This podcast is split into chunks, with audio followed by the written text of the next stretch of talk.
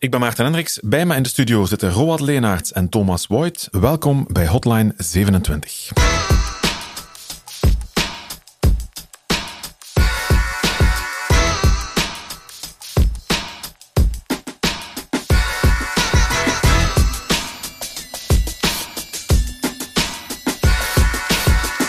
Vandaag op de planning het chiptekort en datacenters. Uh, het chiptekort is al een tijd bezig, jammer genoeg.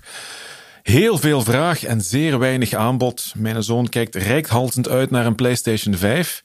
Maar ook de chips voor de PlayStation 5 zijn er niet, dus ook geen PlayStation 5. Maar we gaan het niet over de PlayStation hebben. Vertel eens, uh, hoe is het eigenlijk ontstaan? Van waar komt dat chiptekort? Ja, je ziet eigenlijk, er is altijd wel ergens een, een tekort geweest. Het is altijd, het is een zeer lang lopend proces om van een ontwerp, om je wilt ergens een geheugenchip maken, tot de, tot echte distributie daarvan. Het is altijd een zeer lang proces geweest moest productiecapaciteit heel ver op voorhand altijd al inkopen. En er zijn maar eigenlijk een, een een handvol spelers in de wereld die chips maken. Uh, van het niveau dat je mm -hmm. nodig hebt voor een PlayStation uh, bijvoorbeeld.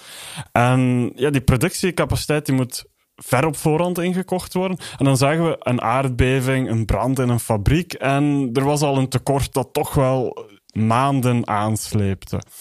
Ja, en toen kwam COVID. Mm-hmm. En dan was het compleet gedaan. Uh, de meeste bedrijven dachten van oei oei, we komen hier in een economische crisis terecht. Uh, we gaan onze productie terugschroeven. Dat is iets wat de automakers heel hard gedaan hebben. Dus die hebben eigenlijk die, die, die capaciteit die ze hadden weggegeven doorverkocht aan een zeer laag bedrag. En dan zagen we ineens eigenlijk het omgekeerde gebeuren. Sowieso de, de vraag naar elektronica voor de mensen thuis, hoofdtelefoons, scherm voor op de bureau, steeg enorm. Uh, de webcams waren amper verkrijgbaar Klopt, ja. in, in, de eerste lockdown.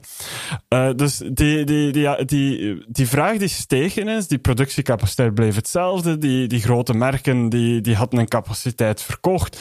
Ja, en dan kom je in een, in een perfect storm terecht. Hè. De, er kan niet meer geproduceerd worden en, en dan trekt het zich verder in heel de keten. En soms een kleine chip uh, uh, is voldoende om, om een hele autoproductie stil te leggen. Er was ook een probleem met videokaarten bijvoorbeeld, herinner ik mij van een tijd geleden. is nog bezig, denk ik, hè?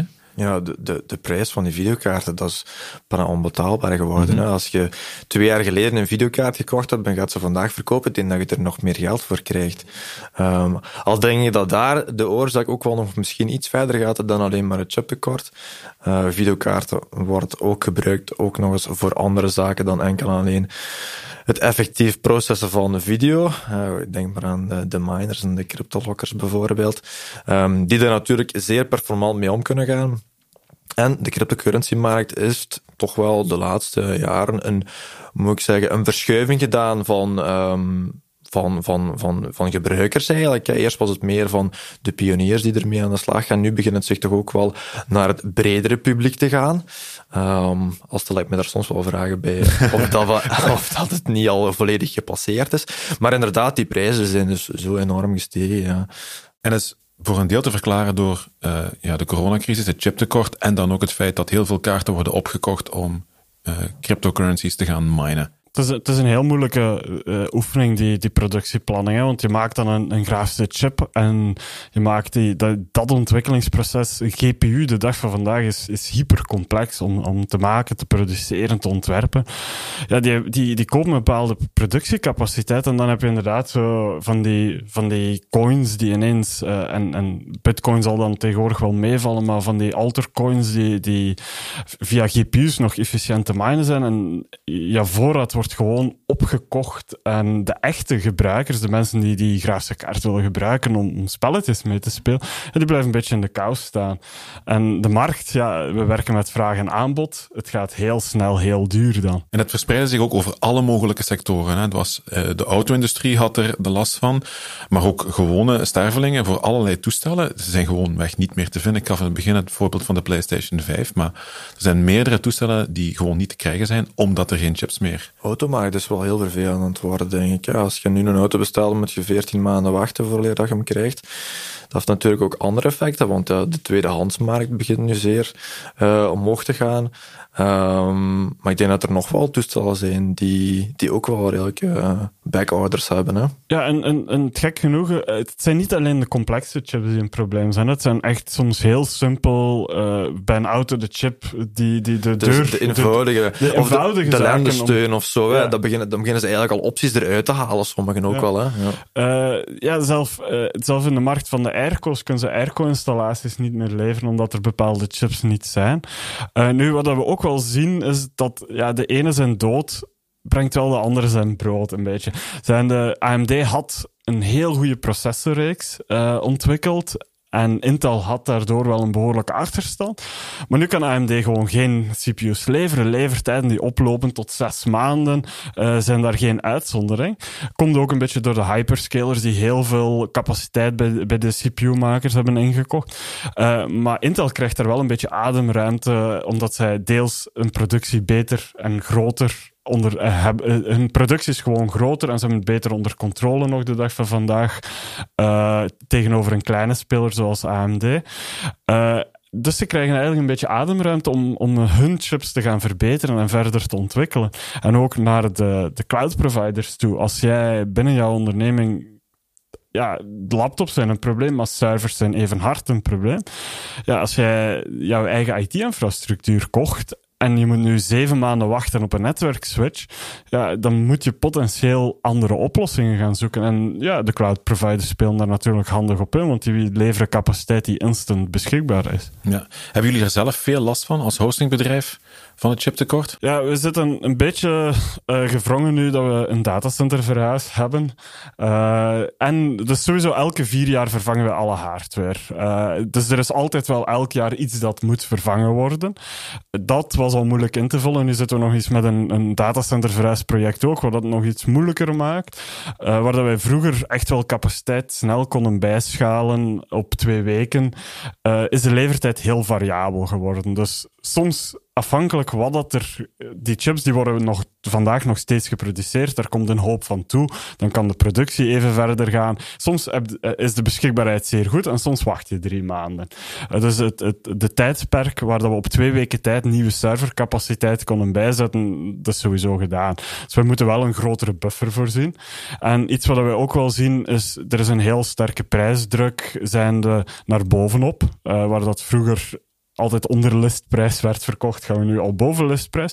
En het is ook vooral de prijs bij levering die gaat tellen. Dat is een, een heel gek idee. Je bestelt iets, je tekent de bestelbon, daar staat een prijs op en eigenlijk is die niet zo relevant, want op het moment dat geleverd wordt, zegt Intel van ja, eh, het heeft drie maanden geduurd, sorry daarvoor, maar de prijzen zijn ook nog eens 10, 15 procent omhoog.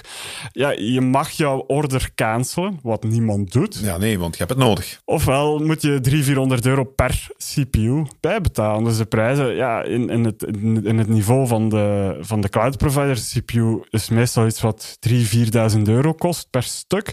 En ineens mag je daar 300, 400 euro gaan bijtellen minstens. En je kan alleen nog kiezen, ofwel wil ik ze niet, ofwel betaal ik. Ja.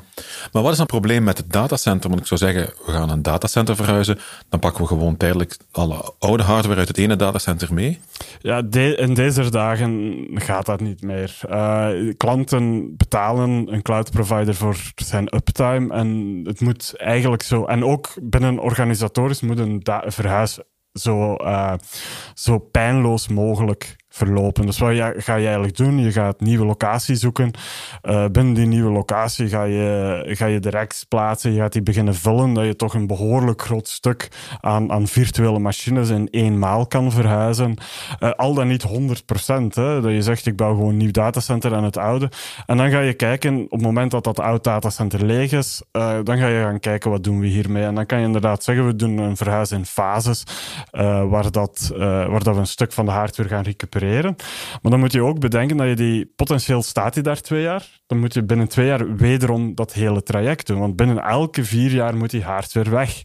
En dat moet, of kun je gewoon zeggen van nee, laat ik in plaats van vier jaar het nu op zes jaar brengen. Is dat een risico? Als bedrijf kan je dat doen. Eh, de cloud heeft natuurlijk iets gebracht, is dat klanten verwachten altijd de snelste. De klant investeert niet meer zelf in hardware, dus hij verwacht wel dat die cloud provider die lifecycle onder controle heeft. Eh, je wilt niet zes jaar lang voor dezelfde CPU betalen. Je wilt eigenlijk na vier jaar, dat maandelijks bedrag is altijd hetzelfde. En je gaat ervan uit dat die cloud provider non-stop bezig is met upgrades. Dus die, die CPU die je na zes jaar hebt, is een andere dan die je op dag één hebt.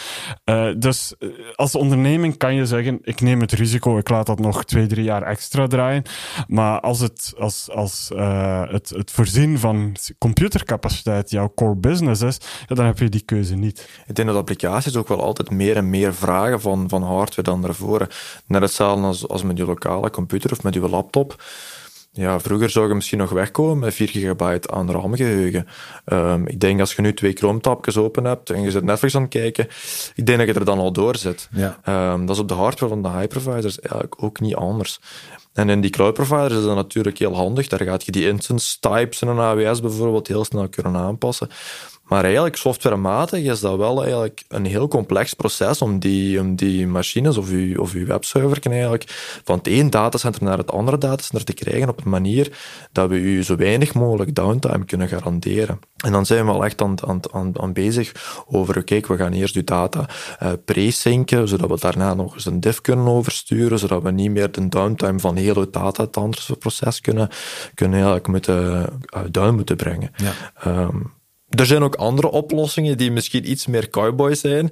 Uh, bijvoorbeeld, je zou bijvoorbeeld ook, het is niet dat we dat doen hier intern, maar je zou, ja, je zou bijvoorbeeld eigenlijk ook gewoon een hardware kunnen oppakken. Je hangt die aan een PSU bijvoorbeeld, dat die nog altijd stroom heeft. Je zorgt dat er netwerk op, je rijdt gewoon naar het andere datacenter en je steekt die terug in. Ja, er zijn filmpjes op YouTube van te Zo heel tof zijn eigenlijk als we dat op de wereld kunnen krijgen, maar we hebben het vooral toch softwarematig gedaan. Zodat we zo ik zou dat heel graag het zien. Ja, ja dat is wel zullen tof, bij ja. de bron plaatsen. Maar er zijn wel degelijk mensen die dit al gedaan hebben. Puur, het is wel leuk om een server te verhuizen zonder downtime. Uh, nu, op, op een schaal van een cloud provider nee. gaat dat gewoon niet. En je kan ook niet, uh, als je één server te verhuizen hebt, kan je zeggen: Oké, okay, ik zet die uit, ik, ik steek die in mijn auto. Ik ga naar een, het vroeger. Ja, ik ga naar een datacenter 15 kilometer verder, zet die terug aan en op een uur ben ik klaar. Um, ja, als je racks moet verhuizen vol met servers, dan geen wordt dat geen meer, optie nee. meer. Nee, het wordt ook niet meer getolereerd, denk ik. Vroeger kon je mailtjes sturen en zeggen, ja, we gaan een paar uur offline zijn. Dat gaat nu niet meer. En zelfs nu gebeuren de acties s'nachts en dan zie je toch dat, dat mensen zijn daar ongerust. Mensen zijn sowieso ongerust als er verandering komt. Uh, zeggen ook van, ja, maar als je dat oppakt en je zet aan de andere kant aan, gaat dat dan wel nog werken? En ja, ik moet s morgens wel mijn, mijn, mijn productie kunnen opstarten. Gaat dat lukken? Dus je merkt die bezorgdheid en dan is het de gemakkelijke weg eigenlijk. We bouwen gewoon een nieuwe zone, verhuizen de actieve data naar de nieuwe zone en dat, dat genereert 5 à 10 minuten impact maximaal per klant. Uh, iets anders de dag van vandaag zou ik niet meer durven voorstellen. Het geeft ook mogelijkheden om eigenlijk uw, de data of de capaciteit, capaciteit die je hebt, die opnieuw uh, zo efficiënt mogelijk te gaan verdelen. En dan denk je echt wel aan calculatiemethodes, want je hebt bijvoorbeeld uh, 16 hypervisors draaien en je moet daar zeg maar niet 1000, 2000 systemen opzetten. Wat is het meest efficiënte hoe je die, al die systemen gaat balanceren? En je hebt daar calculatiemethodes voor. We hebben eigenlijk eentje zelf geschreven, intern, die, uh, die eigenlijk er altijd voor gaat zorgen dat natuurlijk bij het falen van zo'n één hypervisor dat je nog, uh, nog resources over hebt eigenlijk om iets te gaan, um, zaken te gaan overnemen. Hè. Stel eentje wegvalt, dan moet je alles weer op een andere plaats gaan zetten. En die calculatie is wel, dat vind ik wel altijd heel interessant. Ja, en, en je hebt daar verschillende denkmethodes in. Je hebt bedrijven die zeggen van als er een faalt, dan gaan we op die moment wel kijken of dat die capaciteit beschikbaar is. Of dat, is iets wat we bij de grote uh, hyperscalers wel heel veel zien. Um, waar dat de andere methodiek is die wij gebruiken, van we willen echt wel zorgen op het moment dat iets faalt, dat we weten dat de capaciteit beschikbaar is om die failure te, te coveren. Dus er is ergens wel een, een, een behoorlijke denkmethode aan, want die, die capaciteit voor die VM gewoon te draaien, ja, dat is wel nog eenvoudig. Maar dan gaan zien dat je altijd die redundancy kunt gaan bieden en ook de capaciteit te gaan berekenen op het moment dat er iets fout gaat en te zorgen dat alles gegarandeerd is.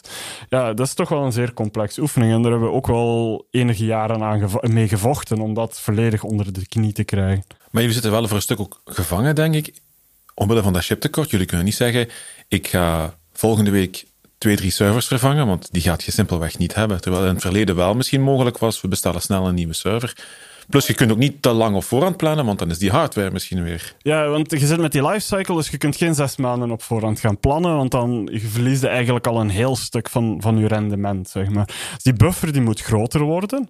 Uh, en langs de andere kant is het ook altijd wel kijken wat, u, wat de hardware-leveranciers doen. Want we werken ook met type met generaties. Je wilde als cloud provider geen 50 verschillende type hardware in je datacenter hebben. Wij willen liefst maximaal drie generaties aan hardware. Generatie is dan één specifieke build met die CPU, dat geheugen, dat moederbord, op die manier geassembleerd, op die manier geïnstalleerd. Um, en ja, je moet een beetje om het oog houden van hoe zit het met wat, dat, wat, het, wat is er beschikbaar. Want je wilt niet op het moment dat je dan bestelt, geforceerd worden om een ander type CPU ineens te moeten kiezen. Want dat creëert dan, ja, als je binnen de generatie flavors begint te creëren, die heeft dat type CPU, die heeft dat type CPU, dan wordt heel die calculatie en alles heel complex. Dus je moet eigenlijk non-stop al gaan kijken van wat gaat er beschikbaar zijn. Ah ja, we zien waarschijnlijk dat er nog een te groot tekort op geheugen komt. Dan moeten we daar misschien al wat zaken van op stok gaan nemen. En hebben jullie nu op dit moment een stok? Uh, we hebben nog een beperkte voorraad. Dus uh, ook naar spareparts toe horen van een aantal partners horrorverhalen rondom RMA's. Dus het moment dat er iets kapot gaat, uh, moet het ook gerepareerd geraken. En dat zelfs daar voor sommige modellen geen spareparts meer beschikbaar zijn. Dus dat zij moeten wachten op nieuwe productie voor een reparatie. Dus met, met, met oog op zulke situaties hebben we wel wat voorraad. Um, maar het is, het is, een, het is een balansact. Hè. Waar dat het vroeger heel voorspelbaar was, is het nu echt wel opletten en altijd een beetje flirten met de lijn van ja, gaan we risico lopen of niet? Uh, ah ja, we lopen een risico, oké, dan moeten we nu reageren, want anders gaat het volledig fout lopen. Even terug naar de, naar de datacenters, want dat hadden we ook in de inleiding gezegd. Er is blijkbaar wat, er beweegt wat in de wereld van de datacenters in, in België. Is dat een, heeft dat te maken met die chiptekorten? Uh, nee, er spelen een paar andere effecten uh, daar, denk ik. we, we zien bijvoorbeeld dat Microsoft naar België komt. Uh, zal hoogstwaarschijnlijk wel met een contract te maken hebben dat, eh, dat uh, expliciet in Brussel moet staan, omdat we tegenover drie, vier jaar geleden had eigenlijk niemand, inter, niemand interesse om nog datacenters in België bij te bouwen. Langs de andere kant zien we ook wel een consolidatiegolf op die lokale datacenterpartners. we hebben daar een, een aantal groepen die nu zich heel breed aan het inkopen zijn. Uh, de gekendste zijn de Interaction breidt uit uit eigen kracht. Die zijn overgenomen een tijdje geleden door Digital Reality, wat meer een vastgoedbedrijf is. Die hebben heel veel ambitie, dus die moeten echt wel datacenterruimte bijbouwen. Uh, een beetje zoals een IMO-bedrijf. Uh, je kan geen kantoorruimte verhuren als je geen kantoorruimte in jouw portfolio. Uh, langs de andere kant zien we LCL, die, dat, is, die, dat is een zeer sterk verankerde lokale partij. Ja, die begint ook wel uit te breiden. En dat heeft vooral ja, en dan de derde misschien nog, de kleinere, Datacenter United. Uh, die, die werken tegenwoordig met een investeringsmaatschappij. Uh, die hebben de datacenters van DC Star ook nu mee onder een portfolio. Ik denk dat ze er... Uh, in Antwerpen hebben ze er nu drie. In Gent hebben ze een datacenter. Dus die, die, die zijn ook heel sterk aan het uitbreiden. Maar je ziet dat dat nodig is, die, die consolidatiegolf. Um, je hebt een datacenter beheren, daar heb je schaal voor nodig. Je hebt heel veel cash vereist. Je moet heel veel investeren in, in bouw, in apparatuur. Dat daar, en dan praat ik niet over cijfers, maar een, een generator kost ook wel wat geld. Blussing, uh, We zien bijvoorbeeld uh, een airco-systeem, koeling is, is een heel, heel moeilijk ding. En daar zien we chiptekorten. Dus die, die zitten daar ook nog eens gevraagd. En ook de professionalisering van die markt is heel belangrijk. ISO-certificaten spelen steeds meer een rol. De eisen worden hoger gelegd. Hetzelfde als dat de klant tegen ons zegt van... Uh, hey, mijn website mag niet een uur down zijn omdat jullie een datacenter moeten verhuizen, krijgen die datacenters van partijen zoals ons ook wel behoorlijk meer eisen dan vroeger. Um, wij kunnen niet met eender wiet nog in zee gaan. Uh, we hebben garanties nodig. We moeten weten dat die partijen um, een hele verhaal heel sterk onder controle hebben. Want wij zetten natuurlijk, als, wij, als zij problemen hebben, hebben wij die ook. En we hebben die vele malen groter dan, dan hun. Klanten, een datacenter heeft een aantal klanten, zijn de cloud providers, hyperscalers, uh, bedrijven. Maar die partijen aan zich hebben nog veel meer klanten. Dus ja, wij krijgen sowieso meer meer shit als zij iets fout Klopt. doen. Dus, en daar is die professionalisatie, ja, die is nodig. En die kleine partijen krijgen dat niet meer rond. Als je dat voor één datacenter moet gaan doen, ja, is dat een enorme overhead. Als je dat er voor 7, 8 in België kan doen, ja, dan wordt het toch gemakkelijker. Met 7, 8 hoef je niet per se meer een externe partij te hebben die, die jouw elektriciteitsinstallaties controleert. Je kan iemand aannemen die dat doet. Dus we zien wel dat die kleine partijen het moeilijk krijgen om te volgen en dat die zich groeperen. Maar je hebt ook minder keuze dan, want er gaan dan ook minder datacenters zijn. Er zullen zeker niet minder datacenters zijn. Uh, er, er, is wel degelijk een trend geweest uh, van de hyperscalers die, die heel grote datacenters in bepaalde landen gingen zetten. Bekendste voorbeelden. Uh, da, het lijkt me wel eens interessant het datacenter van AWS in Ierland te zien. Dat, dat moet een reusachtig, reusachtig verhaal zijn. Is het trouwens de reden waarom dat België vaak ver, vergeten wordt? we keken naar Amsterdam, Frankfurt, Parijs, hier rond. Eigenlijk alles rondom ons wordt bezet maar eigenlijk nooit in België zelf. Ja, je hebt nu wel Google bijvoorbeeld, die denk ik in het zuiden, Henegouwen zit denk ik. Ja, in Henegouwen zit is. Um, maar bijvoorbeeld AWS, er zit nog geen AWS-zone in België. Uh, AWS heeft, heeft dit jaar aangekondigd dat ze met lokale zones beginnen. Uh, de details zijn nog niet 100% duidelijk. Er zouden geen redundancy mogelijkheden zijn, heb ik begrepen. Maar zelfs België staat daar op de lijst. Maar dat is natuurlijk een tegenreactie op een Microsoft. Het moet logisch zijn. Als één hyperscaler komt, moet de volgende, de, de, de, de, degene daarna heeft het contract dan waarschijnlijk verloren en die wil toch tonen dat ze een commitment naar een land geven. Nee, Wat je precies met, ja, zou dat ontbrengen, een hyperscaler? Want ik heb dat begrip al vaker gehoord, maar ik kan het nooit eigenlijk fatsoenlijk uitleggen wat, het, uh, wat een hyperscaler precies is. Ja, een hyperscaler, wie, wie nemen we daarin? Meestal de Googles, de Facebook. De, uh, ja, Facebook, de AWS, de partijen die datacenters bouwen die echt zo reusachtig groot zijn. En ook maar voor één doel, voor dat ene bedrijf. Voor dat, dat ene bedrijf, ja. inderdaad. Um, wat we daar wel zien uh, in, die, in, die, in die wereld is van, ja, vroeger gingen die ook wel, daar zagen we echt van, ja, nee, die gaan naar Ierland en we doen daar alles. En, maar ergens lijkt toch dat de schaalbaarheid van dat model lijkt te stoppen. Uh, in Nederland is, is zelf een, een, een hele gemeenteraad nu tegen een datacenter van Facebook dat ergens gebouwd wordt. Zeewolde. Um, ja, dat begint een probleem te worden. Die partijen, ja, het is natuurlijk, datacenters hebben Vroeger dacht men, wauw, Facebook gaat hier iets doen. Wauw, Google gaat hier iets doen. En die mindset blijkt toch in Nederland te wisselen naar iets van, ja, eigenlijk willen we dat niet in onze achtertuin. Dus dat lijkt wel een probleem mm -hmm. te zijn om zo grote locaties nog te bouwen. Maar langs de andere kant, ja, het creëert ook veel problemen. Dus er wordt heel veel over efficiëntie gesproken in de datacenterwereld. Uh, PUE is een cijfer wat dat eigenlijk meet van wat je overhead is. Heel kort cru kort gezegd, wat dat de overhead is van... Je hebt een server die verbruikt zoveel stroom, maar die moet gekoeld worden. Die moet, er moet een, een bepaald niveau aan redundancy van stroomvoorziening voorzien worden. UPS verbruikt ook stroom, dus je verliest een stuk van jouw capaciteit. Dus PUE is altijd heel belangrijk geweest in die grote datacenters. Dat moet zo laag mogelijk zijn, want dat bepaalt wat dat jouw overhead kost. is in een privé datacenter. Uh, in, als we over tien jaar geleden spraken, ging dat soms over PUE van 2, wat we eigenlijk wil zijn dat je dubbel zoveel stroom nodig hebt dan dat jouw servers eigenlijk gebruiken. Uh, de dag van vandaag wil men daar naar 1.1, 1.2 geraken. Maar dat stopt blijkbaar op een bepaald punt. Of dat je nu één datahal hebt staan, of je hebt er tien staan, dat cijfer gaat niet meer veel veranderen. Omdat iedere hal op zich is een, is een eigen ecosysteempje, zeg maar. Uh, maar wat wel een probleem begint te worden, is stroom te krijgen voor twaalf hallen. Als je één hal zet, bepaald volume aan stroom nodig. Als je op diezelfde plaats twaalf hallen wilt zetten, dan kom je meestal in de problemen dat de lokale, het, het, lokale energienet het niet meer aan kan. En dat zien we in, in uh, Amsterdam gebeuren. Maar zelfs in Zaventem gaat het gerucht rond dat de stroomcapaciteit op is. Dus dat er niemand de komende jaren nog grote volumes kan bij afnemen. Mede door de komst van, van een aantal grote spelers in, in de zone van Brussel. Um, dus die efficiëntie, voordat te gaan centraliseren, lijkt een beetje te verdwijnen. Uh, ook, ja, Ierland tof, maar als al jouw klanten in België zitten, dan gaan we heel veel, heel veel bitjes onder, onder het water sturen door een glasvezelkabel. Uh, dus dat, dat creëert ook, vanaf dat je een bepaald volume aan data hebt, creëert dat ook wel heel wat uitdagingen. En daar zien we toch dat die regionale datacenters in de, uh, aan het opkomen zijn. Ja.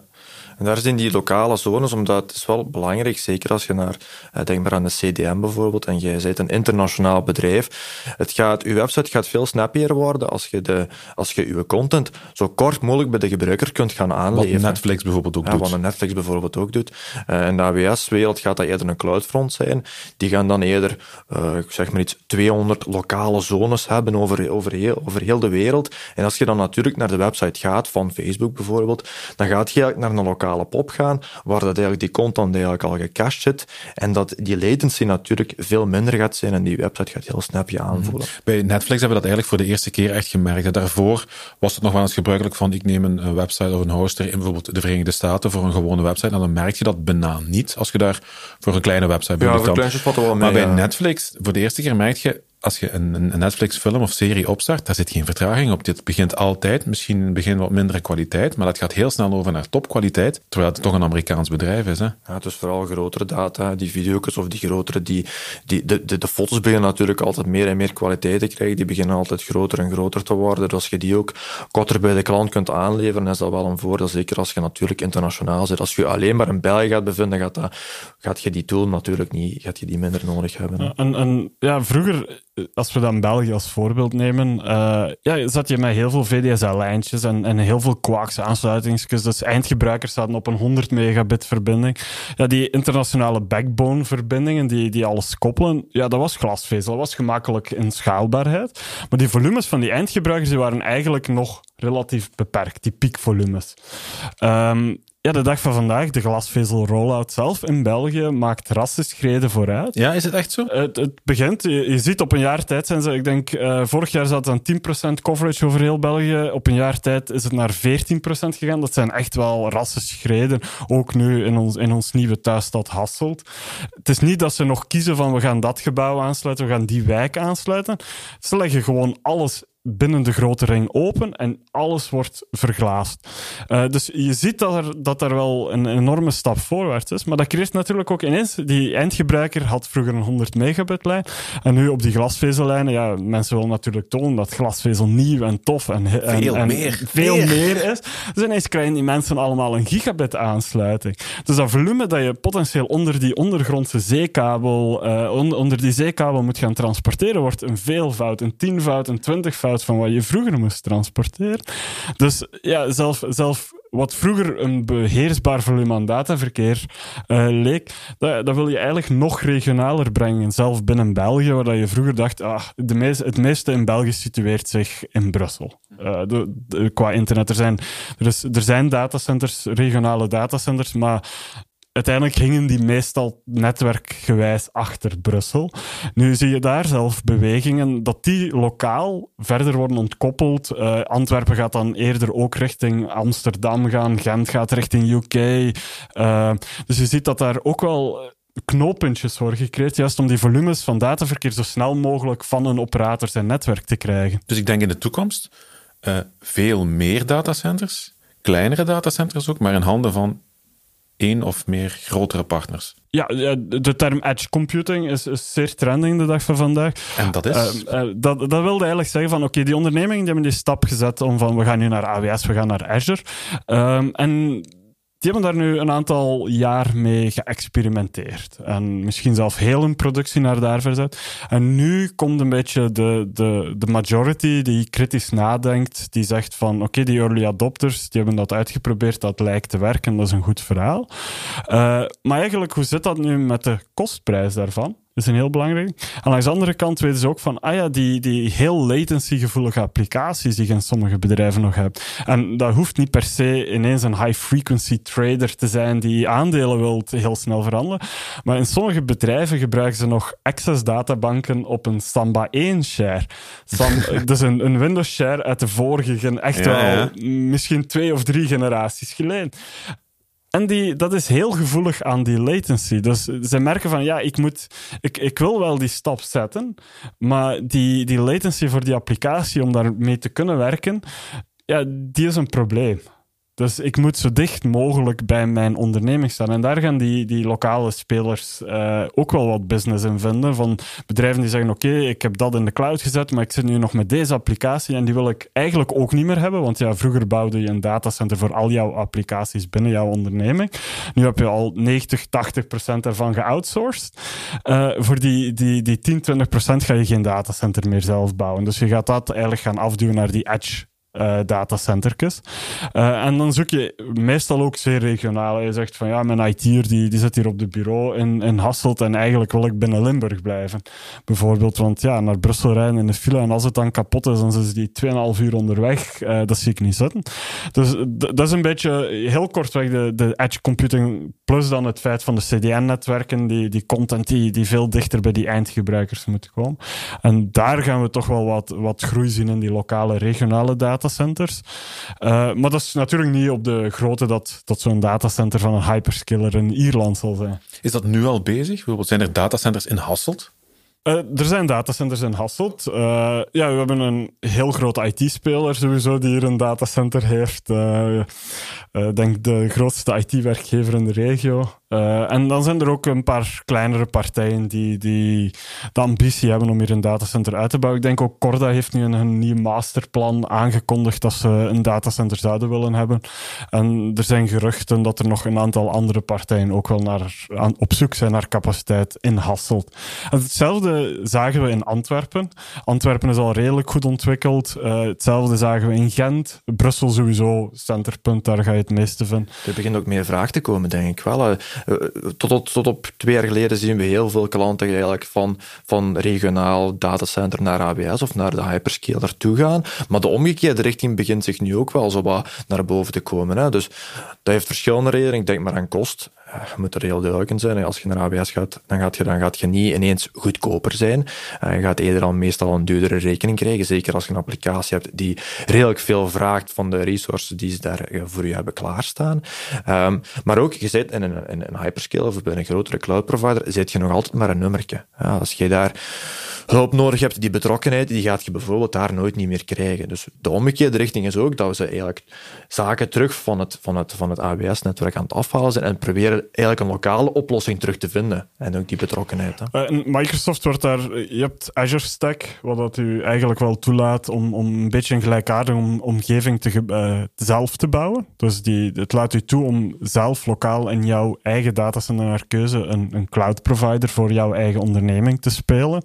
Um, dat is voor die baseload, dus die, die capaciteit die je toch non-stop nodig hebt, uh, wel een interessante oplossing. Maar het moet natuurlijk wel op het niveau zijn uh, dat, je, dat je verwacht van zo'n cloud provider. Dus je wilt ook niet downgrade.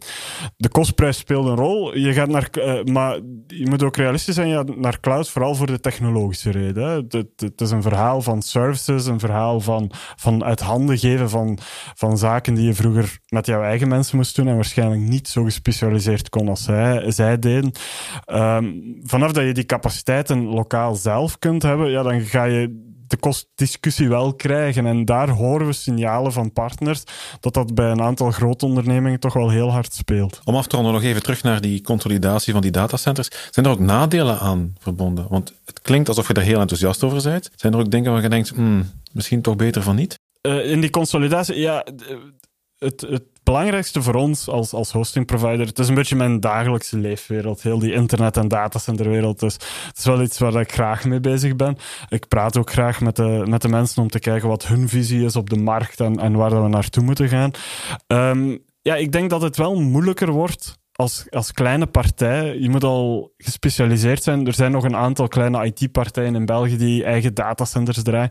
En ik denk dat dat een beetje gaat verdwijnen. En ik denk, we hebben ook eens een podcast-aflevering gehad over knutselaars.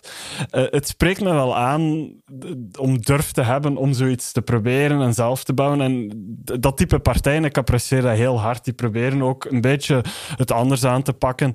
Uh, potentieel op kostprijs, wat een heel gevaarlijk stuk is. Uh, we zien bijvoorbeeld, uiteindelijk alles heeft zijn prijs. Een, een OVH die, die dan heel grote datacenters zelf bouwt, heel leuk gedesigned, eigen mindset. Maar dan blijkt dat ze daar bespaard hebben op een brandblussing. Ja, je, ziet toch ergens, kost, de prijs speelt wel ergens een rol. Uh, ik vrees een beetje dat die, dat type kleine partijen het moeilijker gaan krijgen. Uh, en dat het meer en meer in handen komt van grote groepen. Niet tegenstaande, vanuit onze businesskant is het wel belangrijk om professionele dienstverlening uh, te krijgen. En ja, die grote groepen kunnen dat heel goed invullen. Die, die begrijpen dat concept wel heel goed. Dus het is een beetje een, een, moeilijk, moeilijk gegeven. Ja, ik denk een beetje dat de, de innovatie en het, het, het, spelen, zeg maar, of het uitproberen, er een beetje uitgaat. En dat vind ik persoonlijk wel zeer spijtig. Een eigen level 27 datacenter, is dat iets waarvan gedroomd? Uh, nee, het staat zeker nog niet op de planning. Maar zeg nooit nooit. Uh, ik, ik denk als we die stap zetten, moet dat gebeuren omdat we erin geloven dat we het op onze manier beter zouden doen dan wat beschikbaar is op de markt. Uh, en de dag van vandaag, ja, gezien die grote partijen, ze leveren wat wij nodig hebben, ze leveren dat goed. Het een, ik zeg ook, het is een heel gespecialiseerde business. Dus als je zoiets doet, moet je ook de schaalgrootte hebben om het te kunnen doen. Dus vandaag nog niet. Mocht het uh, ooit op de radar komen, zou ik er wel, uh, zou ik er wel zeer gemotiveerd voor zijn spelen wel nog redelijk veel. Hè. Zeker nu met het nieuwe datacenter, of het naar het nieuwe datacenter te gaan. Er gaat wel wat infrastructuur vrijkomen om eventueel ook wel mee te spelen. daar, daar krijg ik, word ik dan eerder enthousiast van, denk om daar van alles op te gaan plaatsen. Dus u weet ooit in de toekomst. En dat gaat dan ook weer een heel boeiende aflevering zijn. Roald en Thomas, bedankt voor dit gesprek. Reacties op deze aflevering of vragen, die komen bij ons terecht via podcast.level27.be. Tot binnenkort voor een nieuwe Hotline 27.